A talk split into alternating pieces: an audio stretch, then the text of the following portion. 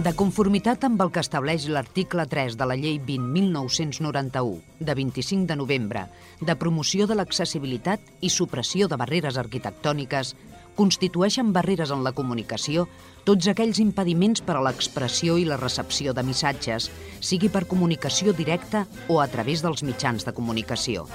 És per això que emparant-nos en aquesta llei, volem que cada ciutadà gaudeixi del seu propi espai per moure's, un espai sense censura, un espai en què vosaltres sigueu els protagonistes. En definitiva, un espai per tothom. Benvinguts a Espai Vital.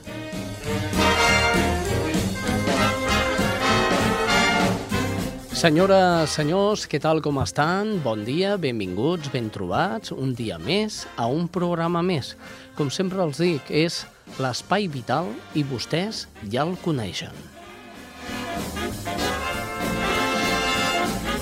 Avui a l'Espai Vital contem amb la presència d'un gran amic i una gran persona ficada en el món de la sanitat, si més no, eh, i solidaritat, eh, com és el Francesc Roset, que és el president de la delegació local, o diríem comarcal, de Creu Roja, Cerdanyola, Ripollet, Montcada.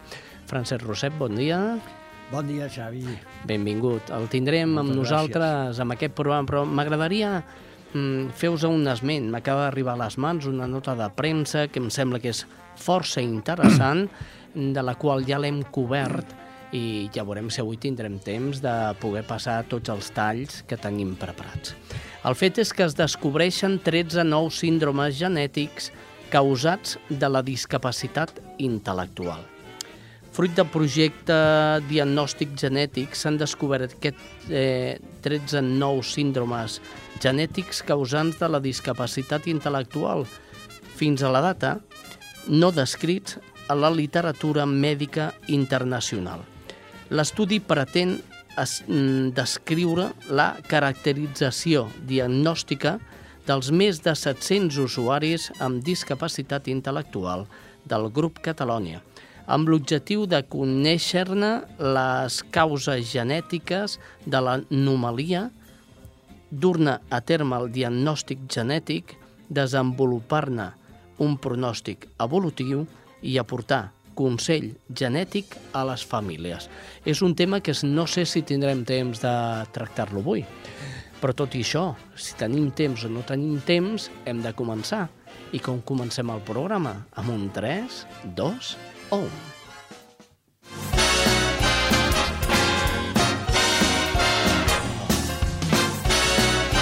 Espai Vital, el primer programa adaptat de les zones.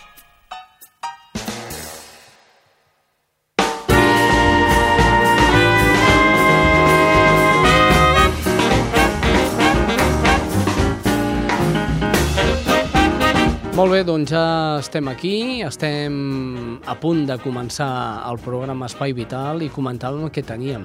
Al nostre costat, el president de la delegació comarcal de Creu Roja. I per què el tenim aquí?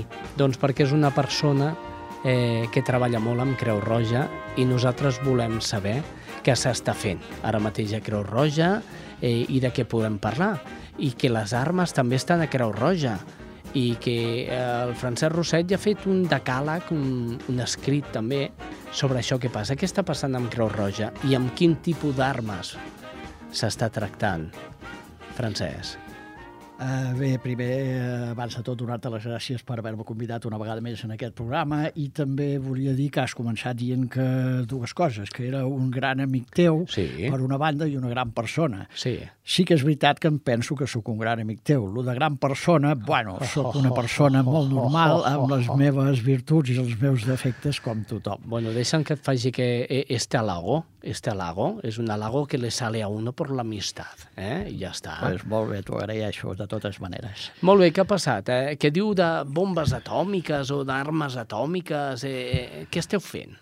Uh, bé, el, potser la gent, el, dit així d'entrada, que estem tractant amb armes, uh, que la Creu Roja tracti amb armes, una, una organització pacificadora estigui tractant amb armes, doncs pot sobtar a la gent d'entrada. Però Resulta que eh, la gent coneix a la Creu Roja bàsicament perquè, doncs, per les campanyes que porta a terme d'ajut en casos d'accidents, d'epidèmies, de catàstrofes, ajudar els més desvalguts, les, a les persones més vulnerables, etc. Mm -hmm. Però hi ha un altre aspecte de la Creu Roja a nivell internacional que es desconeix molt més i a mi voldria aprofitar l'ocasió per, per, doncs, per fer-ho eh, palès, per manifestar-ho.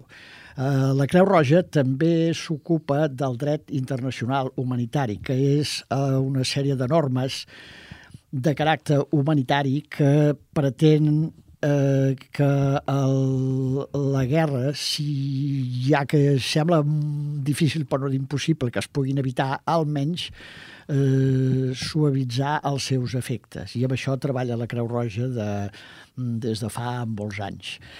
Bé, eh, en el dret internacional humanitari hi entren eh, el tema armes. Hi ha una sèrie d'armes que estan d'ús prohibit eh, internacionalment. Eh, entre elles les armes biològiques, les armes químiques, eh, les armes, les bombes de, de dispersió les, i les eh, mines antipersona. Però ah. hi ha un grup d'armes, una categoria d'armes que de moment no estan prohibides, que són les armes nuclears. Eh, voldria dir que uh, l'última conferència internacional de la Creu Roja que es va celebrar a Ginebra, eh, el Consell de Delegats de Creu Roja va aprovar una resolució que es titula Cap a l'eliminació de les armes nuclears. I eh, en aquesta resolució el, el Consell de Delegats fa una crida a tots els components del moviment que participin en la mesura del possible en les activitats de sensibilització destinades al públic en general, als científics, als professionals de la salut i els encarregats de prendre decisions sobre les conseqüències humanitàries catastròfiques que portaria qualsevol ús de les armes nuclears i exhorta a les societats nacionals que mm, fagin activitats de sensibilització en aquest sentit, eh, dirigides eh, a intentar que aquestes armes siguin proscrites de, de la faç de la Terra. I llavors, doncs, eh, seguint aquestes directrius del Consell de Delegats a nivell internacional, eh, hauríem d'emprendre de, tota una sèrie d'activitats, eh, les diferents societats nacionals que hi ha en el món. Avui mm. dia 100, eh, Creu Roja està present a 187 països. És dir, som quasi bé un moviment universal. És clar, si et dic 187 països, el que em trobo és que quan dic un moviment gairebé universal, bueno, eh, el que no sap molta gent, em trobo que no, molta gent no sap quants països sobirans hi ha al món. Mm -hmm. I eh, és quasi universal perquè eh, actualment em puc equivocar d'un eh, som eh, 194 països en el món i la Creu Roja està present amb més o menys potència eh, 187. de 187. Tela, eh? Tela, eh? Doncs sí, per això dic que és un moviment gairebé universal. I encara que s'opti, senyors, eh, mm, Creu Roja tracta el tema de les armes perquè quan hi ha una guerra a qualsevol punt del món, si no hi hagués la Creu Roja i el decala que prohibeix l'ús d'algunes armes, eh, potser ens podríem veure afectats. Qui sap si a Espanya algun dia hi pot haver una guerra civil, que tal i com estan les coses no seria tan difícil, Francesc. Bé, aquí el dret internacional humanitari és poc conegut precisament perquè, afortunadament, eh, fa unes quantes dècades que gaudim de pau, però eh, podria succeir, però qualsevol cosa podria succeir. I llavors, eh, en els conflictes armats és quan eh, s'ha d'aplicar i és obligació aplicar el, les normes del dret internacional humanitari que no es, no es compleixen o que hi ha moltes violacions d'aquestes normes. És veritat, per això la Creu Roja estem treballant per fer respectar el dret internacional humanitari, però estan obligats a complir-lo mm, eh, les quatre convencions de Ginebra, que és el que recopilen gairebé, i els seus protocols addicionals, eh, recopilen pues, doncs, tots el dret internacional humanitari d'avui dia. Eh, la Creu Roja vetlla perquè, perquè sigui respectat i estan obligats a complir-lo gairebé tots els països. Escolta, amb el que, amb el que frapo és, és el fet de que no estiguin prohibides les armes nuclears, eh, que són una de les armes més destructives que hi ha, que hi ha al món. Amb una, amb una sola bombeta eh, nuclear ens carreguem una pila de gent. I, I que no estigui prohibit, però per què això? Quins són, quins són les normes que diuen que aquest està prohibit per això, per això, per això, i aquesta no? Uh, bé, les armes biològiques i les armes químiques, doncs, uh, amb moltes dificultats, però, però al final es va aconseguir, també molt per la pressió de l'opinió pública. Uh -huh. eh, en acabat, si vols, en parlarem una mica també d'això de l'opinió pública, perquè pot semblar que l'opinió pública no té res a dir, i és molt al contrari. Eh? S'han prohibit algunes armes gràcies precisament a la, a la pressió de l'opinió pública.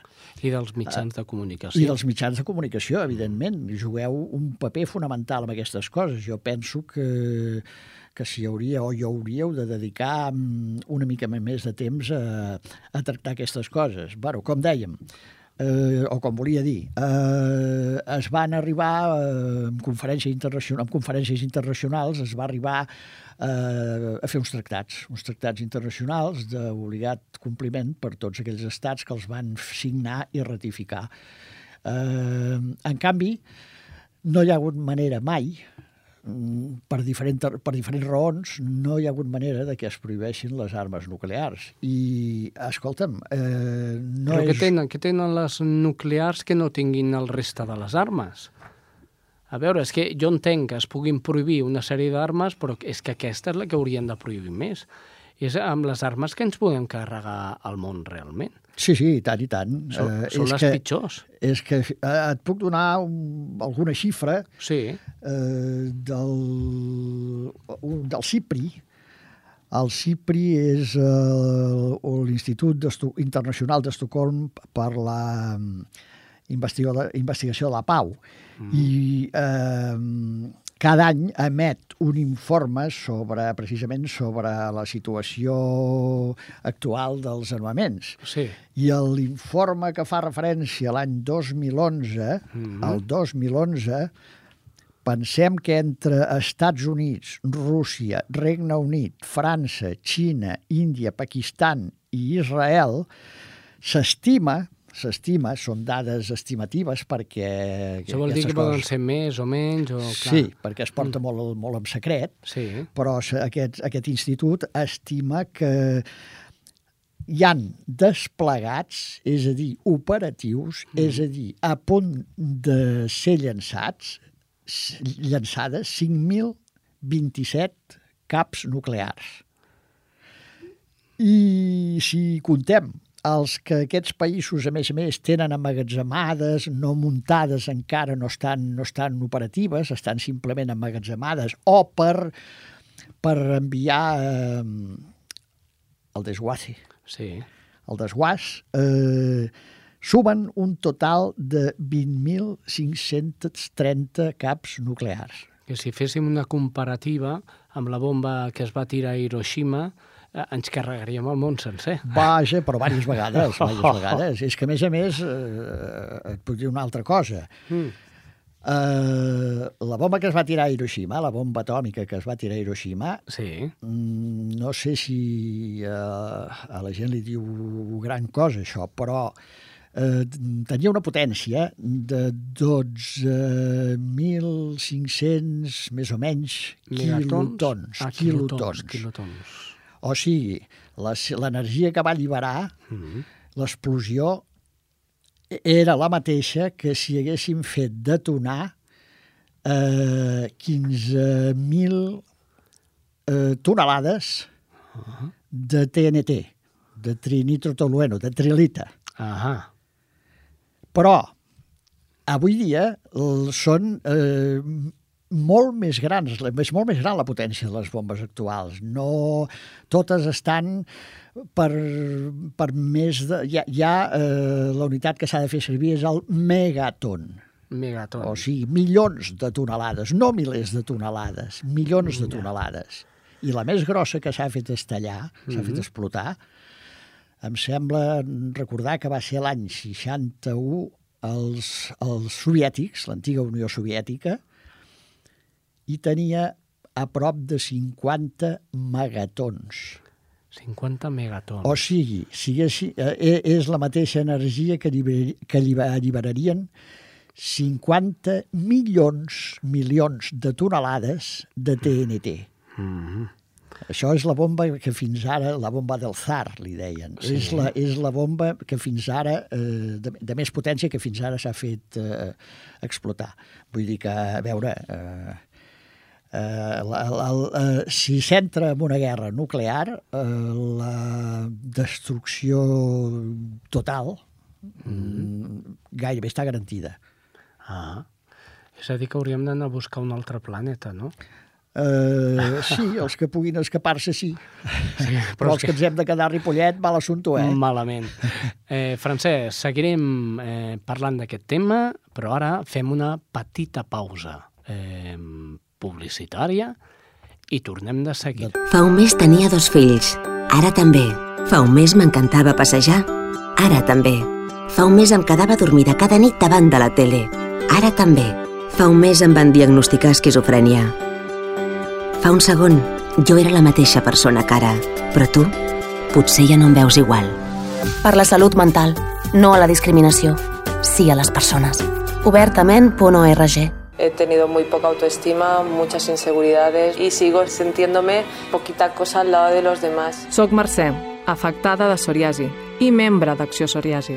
Si vols conèixer el veritable impacte de la psoriasi, una malaltia que va més enllà de la pell, et convido que visitis enprimerplano.org. Això és Espai Vital. Molt bé, i ara a l'Espai Vital volem parlar del descobriment de 13 nous síndromes genètics causants de la discapacitat intel·lectual. És un tema que es va posar a l'escenari eh, mm, a l'escenari mm, d'investigadors. Dos investigadors, Joaquim Serraima i Ignacio Lao. Dos investigadors amb els que parla la Mònica González. Sí, la, nosaltres eh, ens dediquem a l'atenció de persones amb discapacitat i entrem en coneixement amb el doctor Lau a través d'una societat que es diu Genomic Genetics, que es dedica a fer estudis genètics. Després de moltes converses entenem que poder fer es, eh, diagnòstic genètic amb els nois que viuen amb nosaltres, dels quals el 55% no tenen diagnòstic, pot ser molt interessant. Llavors fem una primera tria de 40 casos no diagnosticats i desenvolupem les tres tècniques que ell ens ha explicat i descobrim que, començant per la última, haguéssim arribat a la mateixa conclusió, que hi ha 12 casos, 11 que no estan publicats, per tant és una troballa, i que realment ens pot servir molt per descriure els nois, per pel futur, quan es descobreixi aquest, vagi donar aquest síndrome de gent més jove, pugui actuar millor i segurament a nosaltres ens servirà per, com deia al final, corregir algun tema de medicació, corregir alguna de les atencions que estem fent. Per tant, creiem que és molt bo i la idea des del patronat i del Ciutat de Pares és continuar fent estudis cada any fins que completem tota la nostra població, que no oblidem que tenim 750 nois discapacitats a la nostra organització. Muchas gracias. Bueno, y explíquenos un poquito, pues eso, cómo ha sido el trabajo. Mm, Ya sé que es muy muy técnico y complicado, sí, de. Sí, pero bueno, pues eso, ¿cuál era el principal objetivo? Sí, bueno, el principal objetivo en realidad era eh, pues ver la eficacia de esta tecnología de alta resolución en estos casos. Sí nos llamaba la atención de que eran niños que cumplían criterios como para que tuvieran un defecto genético. Sin embargo, era curioso que no se había identificado.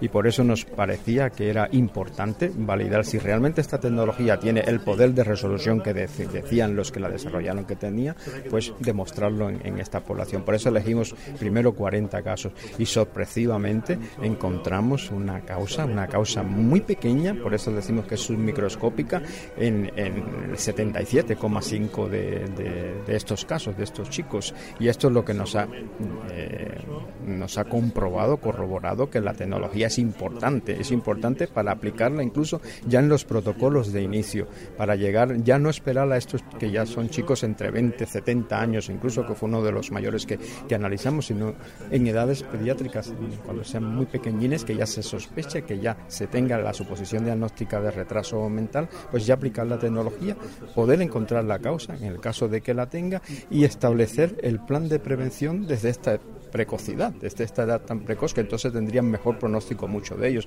Como nos comentaba una madre, por ejemplo, su hijo con 40 años que sigue con las convulsiones, ahora se ha encontrado el defecto genético, se ha visto que puede que no responda a la medicación habitual, sino que hay que hacer un ajuste, una medicación mucho más específica. Si esto se le hubiera hecho con, con cinco años, pues quizás el deterioro de este niño no hubiera sido el que tiene el que tiene en estos momentos. Y esto yo pienso que es la principal importancia que tiene para los nenes, ¿eh? para, para los pacientes y para las familias otro tanto. En primer lugar, el riesgo que puede tener de repetirse, porque la mayoría son ya no, ya no los padres de estos chicos que ya son mayores, pero tienen hermanas, tienen hermanos, están preocupados si tienen descendencia o no tuvieran descendencia con estas alteraciones, pues ya teniendo la causa ya van, se pueden hacer el diagnóstico prenatal, sobre todo saber la repercusión.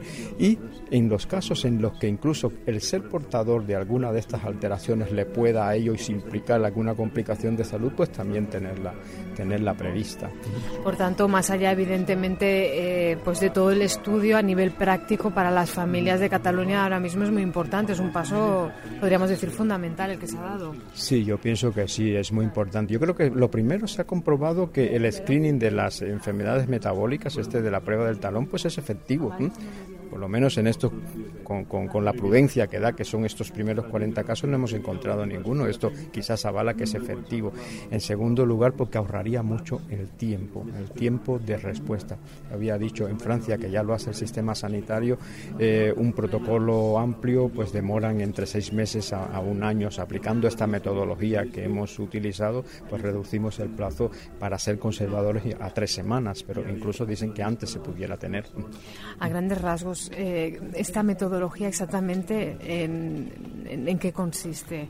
La utilización de, eh, eh, se llama tecnología de, array, de arrays de biochips. ¿eh? Es concentrar todas las posibles alteraciones, conocidas o no conocidas, en un único test no empezar a hacer test de, de, forma independiente, sino a partir de única, un, una única muestra, en un único test, hacer un barrido de todo el genoma y llegar a encontrar una posible causa, una causa que implique tanto exceso de dosis del gen, de genes como defecto de dosis de genes, que es tan importante una cosa como la otra. Lo que más nos suena es el síndrome de Down, por ejemplo, que tiene tres cromosomas 21, este es un exceso de dosis, pero hay otros como el que le conocen como síndrome de maullido del gato, que aquí lo que falta es un gen, o un pedacito solo de un gen.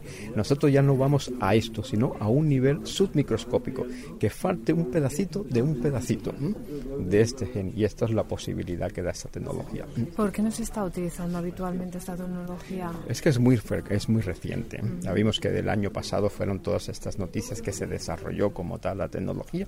Es muy reciente. Como toda tecnología, tecnología nueva, eh, al principio es costosa. ¿no? Solo tenemos que demostrar con estudios como este que es costo efectiva, que yo pienso que es una de las grandes conclusiones que hemos tenido, ¿no?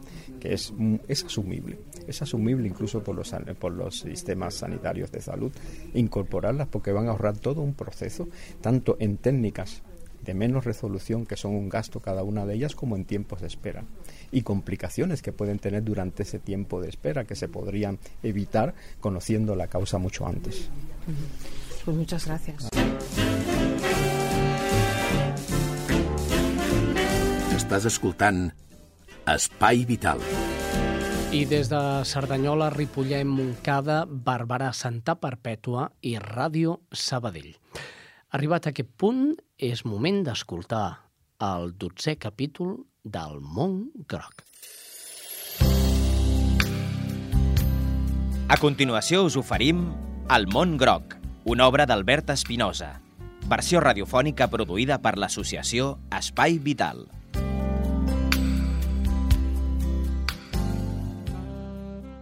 Desè descobriment. No tinguis por de la persona en què t'has convertit. El meu metge sempre em deia que ell volia el millor per a mi, però de vegades el que semblava millor resultava que no ho era. És complicat saber com reaccionarà el cos humà a una medicina, a una teràpia, a una operació. Però em demanava que sobretot li fes confiança i remarcava jo sempre he cregut que si el meu jo del passat va prendre aquella decisió era perquè hi creia. El teu jo del passat ets tu mateix, uns anys, mesos o dies més jove. Respecta el teu jo anterior. Sens dubte, era un gran consell, encara que aleshores en aquell moment concret no li vaig valorar així. Estava a punt d'operar-me i jo esperava que el seu jo d'aquell moment no s'equivoqués. Quan vaig sortir de l'hospital, vaig rumiar aquestes paraules. Era un bon descobriment, i no solament per a la vida mèdica, sinó per a tot. Solem creure que ens equivoquem en certes decisions. És com si penséssim que ara som més espavilats que abans, com si el teu jo del passat no hagués valorat tots els pros i els contres. Des que aquell metge em va parlar d'allò, jo sempre he cregut en el meu jo del passat. Fins i tot crec que és més intel·ligent que el meu jo del futur.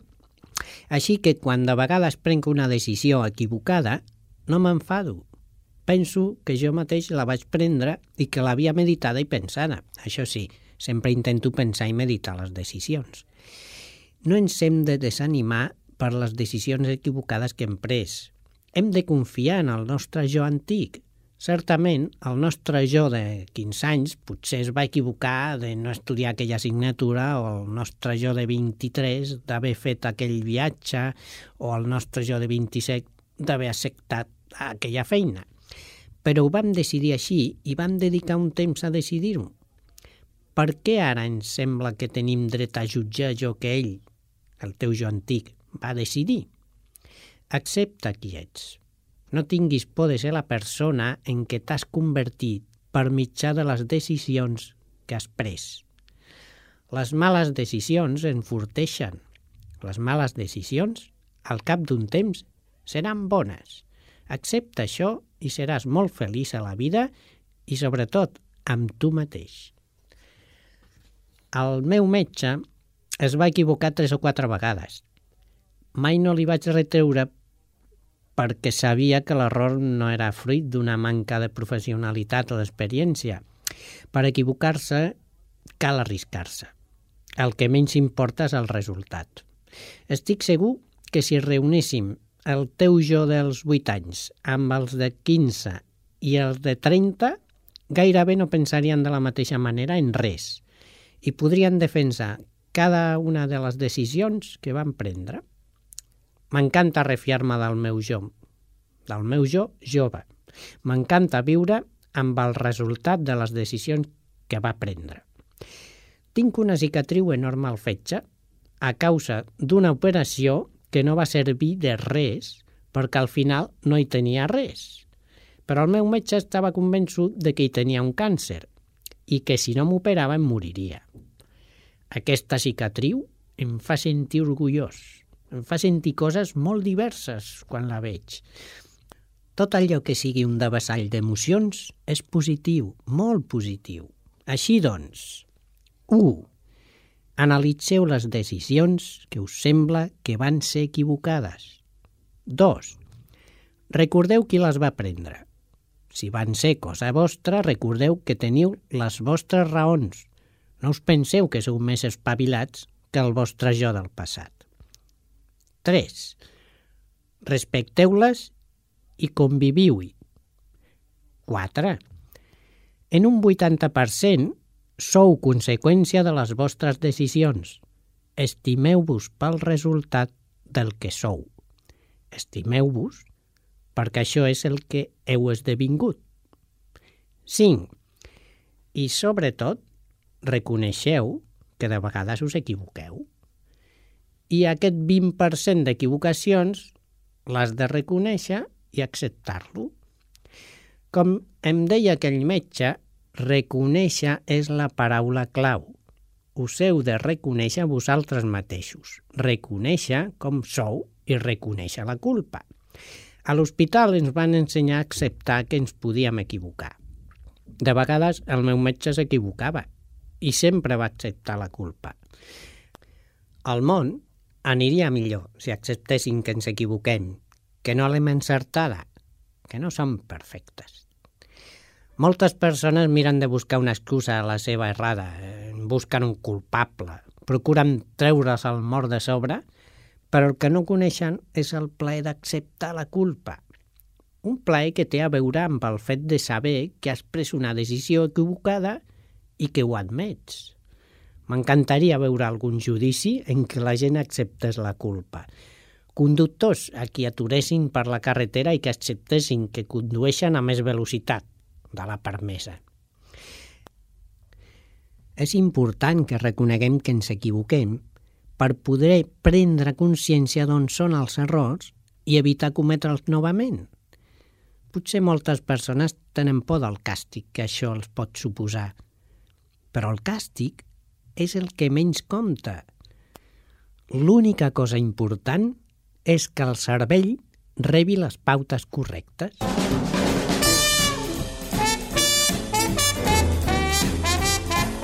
Estàs escoltant Espai Vital. I des de Cerdanyola, Ripollet, Montcada, Barberà i Santa Perpètua. De fet, anem a fer la roda informativa per conèixer les últimes novetats en quant a sanitat i solidaritat de les diferents emissores coproductores del programa. Comencem, com sempre, amb Cerdanyola. Des d'allà ens informa Mònica González. Molt bon dia des de Cerdanyola Ràdio. El doctor José Ignacio Lau, director mèdic de Genomic Genetics International, ha presentat al grup Catalonia els primers resultats del projecte Diagnòstic Genètic, estrets d'una mostra de 40 usuaris amb discapacitat intel·lectual del grup Catalonia d'entre 20 a 60 anys. I fruit d'aquest projecte s'han descobert 13 nous síndromes genètics causants de la discapacitat intel·lectual fins a la data no descrits en la literatura mèdica internacional. L'estudi pretén descriure la caracterització diagnòstica dels més de 700 usuaris amb discapacitat intel·lectual del grup Catalunya amb l'objectiu de conèixer les causes genètiques de l'anomalia, tornar a terme el diagnòstic genètic, desenvolupar-ne un pronòstic evolutiu i aportar consell genètic a les famílies. Finançat pel grup Catalunya i parcialment per aquelles famílies que hi participen sol·licitant el consell genètic, el projecte presenta unes conclusions que han estat qualificades de revolucionàries i esperançadores per part dels genetistes que asseguren que complementaran significativament el procés de diagnòstic d'aquest tipus de pacient. Si fins ara l'èxit de diagnòstic amb les tècniques convencionals era només del 10% dels casos, aquest percentatge augmenta fins al 90% en el context dels casos estudiats en el projecte, un fet que permet augmentar la capacitat d'assessorament i el tractament als pacients. I això és tot des de Cerdanyola Ràdio fins a la setmana vinent. Gràcies, Mònica González. Anem corrents, corrents cap a la veïna població de Ripollet. Des d'allà ens informa Franzina Ricard. Una salutació als amics i amigues de l'Espai Vital. El proper diumenge 17 de març, les formacions de dansa local, Danza Joven, SB Dance i Epidemic Dance Show tornaran a representar l'espectacle La luz de la sombra al Teatre Auditori. En aquesta ocasió, la funció serà per recaptar fons per les entitats locals de fibromialgia i apadir. Les representacions seran a les 12 del migdia i a les 6 de la tarda i les entrades es vendran el dia 13 de març de 7 a 9 del vespre al Centre Cultural i el seu preu és de 5 euros. L'espectacle La luz de la sombra es va estrenar el passat 17 de febrer a proposta de Catalunya contra el càncer per mostrar una imatge esperançadora de la malaltia i per recollir fons per a aquesta entitat. Fa algunes setmanes també es va poder veure aquest espectacle a l'Assemblea Comarcal de la Creu Roja. Tots aquests passis van comptar amb un ple absolut. I això és tot des de Ripollet. Bona tarda. Bona tarda. De Ripollet cap a Sant, eh, Santa Perpètua, no, a Barberà del Vallès. Des d'allà ens informa mm, Judit González. Salutacions de Ràdio Barberà. El passat diumenge 10 de març, l'associació Andy Down de Sabadell va celebrar una nova matinal esportiva, aquest cop a la nostra ciutat, a Barberà del Vallès. Sota el nom Apunta't al 21, la plaça García Lorca es va omplir amb membres, famílies, nens i joves de l'entitat que van participar al conegut joc de bàsquet al 21. La matinal, que va assolir un gran èxit de participació tant per part de l'associació com de la ciutadania barbarenca, va acollir a més un punt d'informació per conèixer com treballa Andy i una mostra de les publicacions que l'entitat ha editat, com el llibre La nostra cuina, un receptari compartit entre els infants del centre i diferents personatges famosos de Sabadell i comarca. Andy Down és una associació de pares i mares d'infants i joves afectats per limitacions intel·lectuals, majoritàriament amb síndrome de Down, que pretén afavorir i recolzar perquè aquest col·lectiu tingui un desenvolupament integral i una vida més normalitzada, autònoma i a llarg termini independent. Fins la setmana vinent. Fins la setmana vinent, Judit, eh, i de Barberà ens n'anem cap a Montcada, una miqueta més avall. Des d'allà ens informa Laura Grau. Hola, salutacions des de Montcada l'Espai Vital. Un any més, l'Ajuntament ha posat en marxa el curs d'educació viària per infants de primària i joves de secundària amb l'objectiu que, des de ben petits, els veïns del municipi prenguin consciència de la necessitat de protegir la seva vida a la carretera. La primera part del programa s'adreça als infants més petits i la segona, que arrencarà després de la Setmana Santa, inclou les xerrades amb els alumnes de secundària, que inclouen la visita d'un representant de l'Institut Gutma. Recordem que aquest és el centre de referència a Catalunya per al tractament mèdic i la rehabilitació integral de persones amb lesió medular dany cerebral adquirit o altres grans discapacitats d'origen neurològic.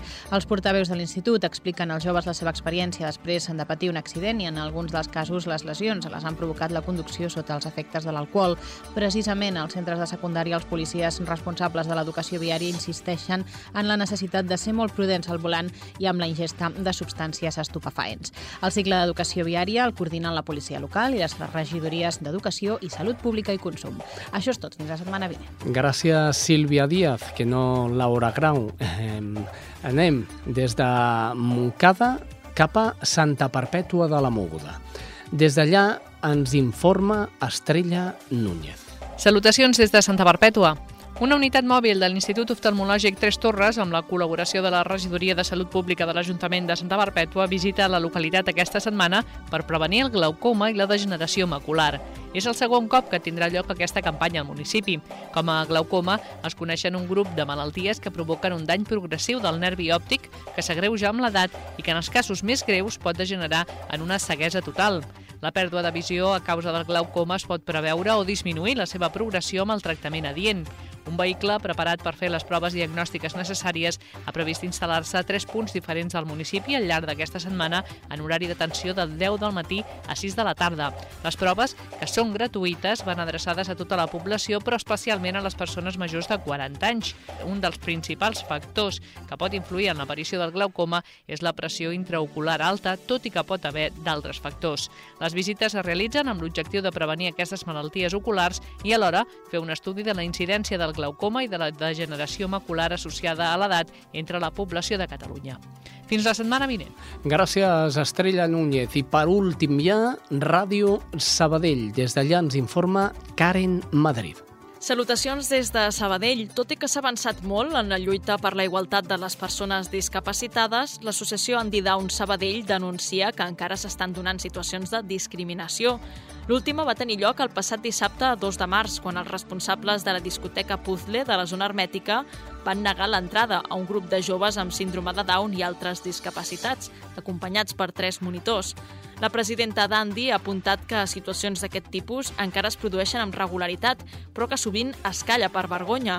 Ara, en canvi, l'entitat ha denunciat el local d'oci nocturn davant la Fiscalia. El titular de Puzzle, per la seva banda, assegura que tot és fruit d'un malentès i ha alegat que grups especials han d'avisar amb antelació per raons de seguretat. És tot des de Sabadell.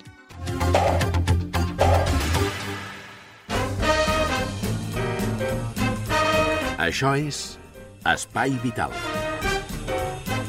Molt bé, a l'Espai Vital volem acabar ja l'entrevista que teníem avui amb el Francesc Roset. Francesc, eh, ha acabat eh, la part de l'entrevista que hem hagut d'anar cap al Montgroc i altres coses, però tu no has acabat de donar un missatge d'esperança. un missatge d'esperança i tranquil·litat, no? Uh, sí, uh, m'agradaria dir que bé, no voldria causar alarma amb totes la, el que s'ha dit. Uh, tenim l'esperança de que els, uh, les decisions respecte a les armes nuclears no, no, no, no siguin les d'utilitzar-les, sinó que eh, al final s'arribi a, ens arribem a posar d'acord tots plegats per, per prohibir-les.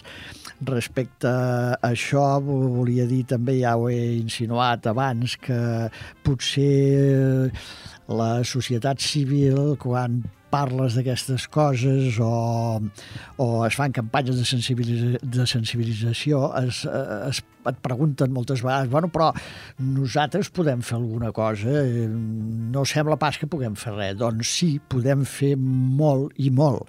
I precisament hi ha dos magnífics exemples que van tenir una influència decisiva eh, eh, amb la prohibició de, de, de, tres, de, de dos tipus d'armes. Uh, Les de Racimo? Si, si, ens, organitz, si ens organitzem, si sí. la societat civil s'organitza i coordina esforços, uh mm-hmm. -huh. té una influència que pot ser decisiva. Una són, com deies tu, bé, les bombes de Racimo, no fa massa temps es van... El tractat de prohibició es va signar el 2008 i va entrar en vigor el 2010, o sigui que és molt recent. I l'altre seria el Tractat d'Ottawa, que prohibeix la, la, les mines antipersona, que es va signar el 1997 i es va, va entrar en vigor el 1999. I en el seu preàmbul, si llegeix el preàmbul dels dos tractats, eh, es reconeix la influència que va tenir les diferents eh, organitzacions internacionals civils. Mm -hmm. I, eh, curiosament, eh, a l'única que menciona amb el seu noms i cognoms és eh, el moviment internacional de la Creu Roja i de la Mitja Lluna Roja. Ah. Amb tots dos, amb tots dos tractats eh, és l'única organització que es, es menciona això, amb els noms i els, amb els seus noms i cognoms. Molt bé, i, i, i no tenim temps per més.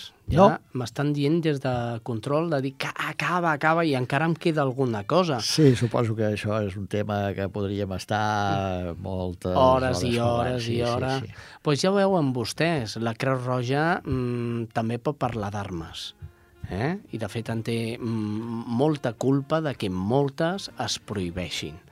I això ens, nos llena d'orgullo i satisfacció, com diria el rei, de que això sigui així.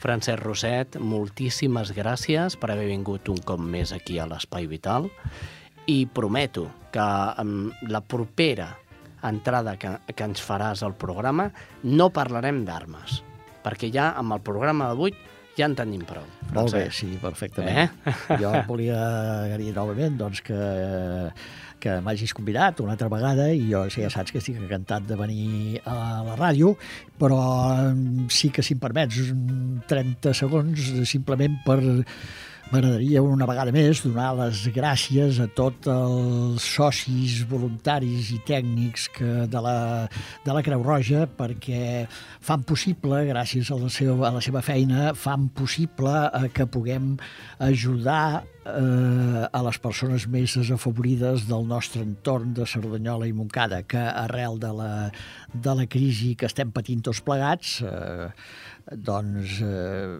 hi ha molta gent necessitada. Hi ha molta feina i molta feina que fa Creu Roja a través de la gent que també ajuda a Creu Roja i que jo us convido a que aneu a Creu Roja per fer-vos voluntaris. Les paraules d'un president. Francesc Roset, gràcies. Gràcies a tu. Molt bé, i ara, senyor, si els sembla, tinc una mica de gana eh, no marxis molt lluny, que eh, ara ficarem una recepta. La Conxita Naudi. Avui ens porta un plat que jo no l'havia sentit mai. Salmó amb torró. Ahí queda eso.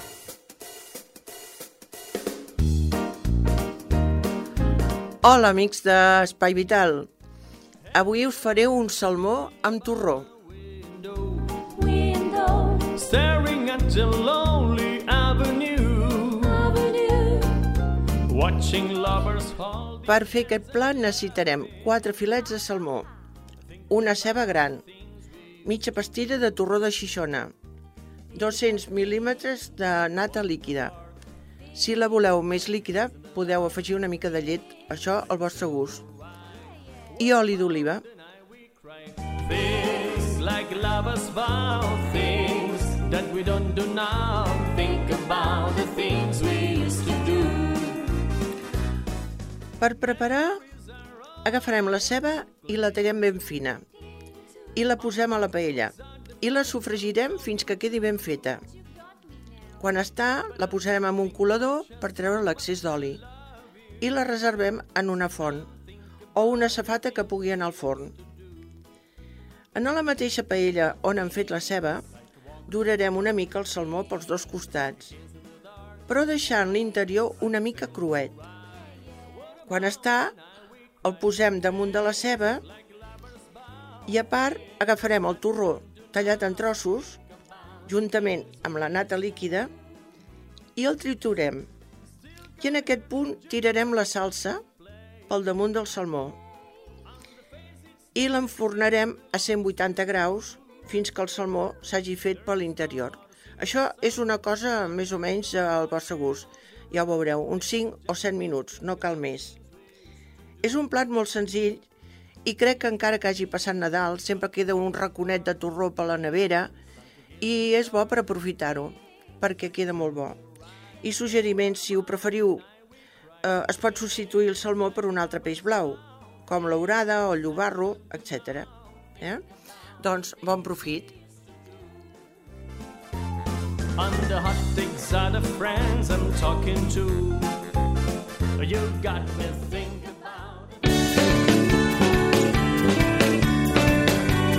Molt bé, fins aquí arribem. Ivan Vélez, el control tècnic, el Francesc Roset, que ens ha acompanyat, i un servidor, el Xavi Casas. La setmana vinent hi tornem. Apa, adeu-siau. És tan difícil xerrar de certes coses. És el procés normal d'un trauma en decadència natural que no se pot resoldre.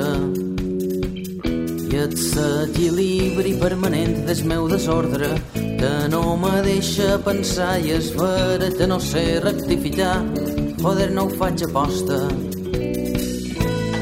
El teu vestit estampat de flors Sa tot soles et la meva por. Més senzilla i miserable més planera i més transitable. Vull sa llimona que pren el sol. Sa primavera d'un dia que plou. Vull sa pintura de seu barcot si tu te dibuixes damunt un llençol.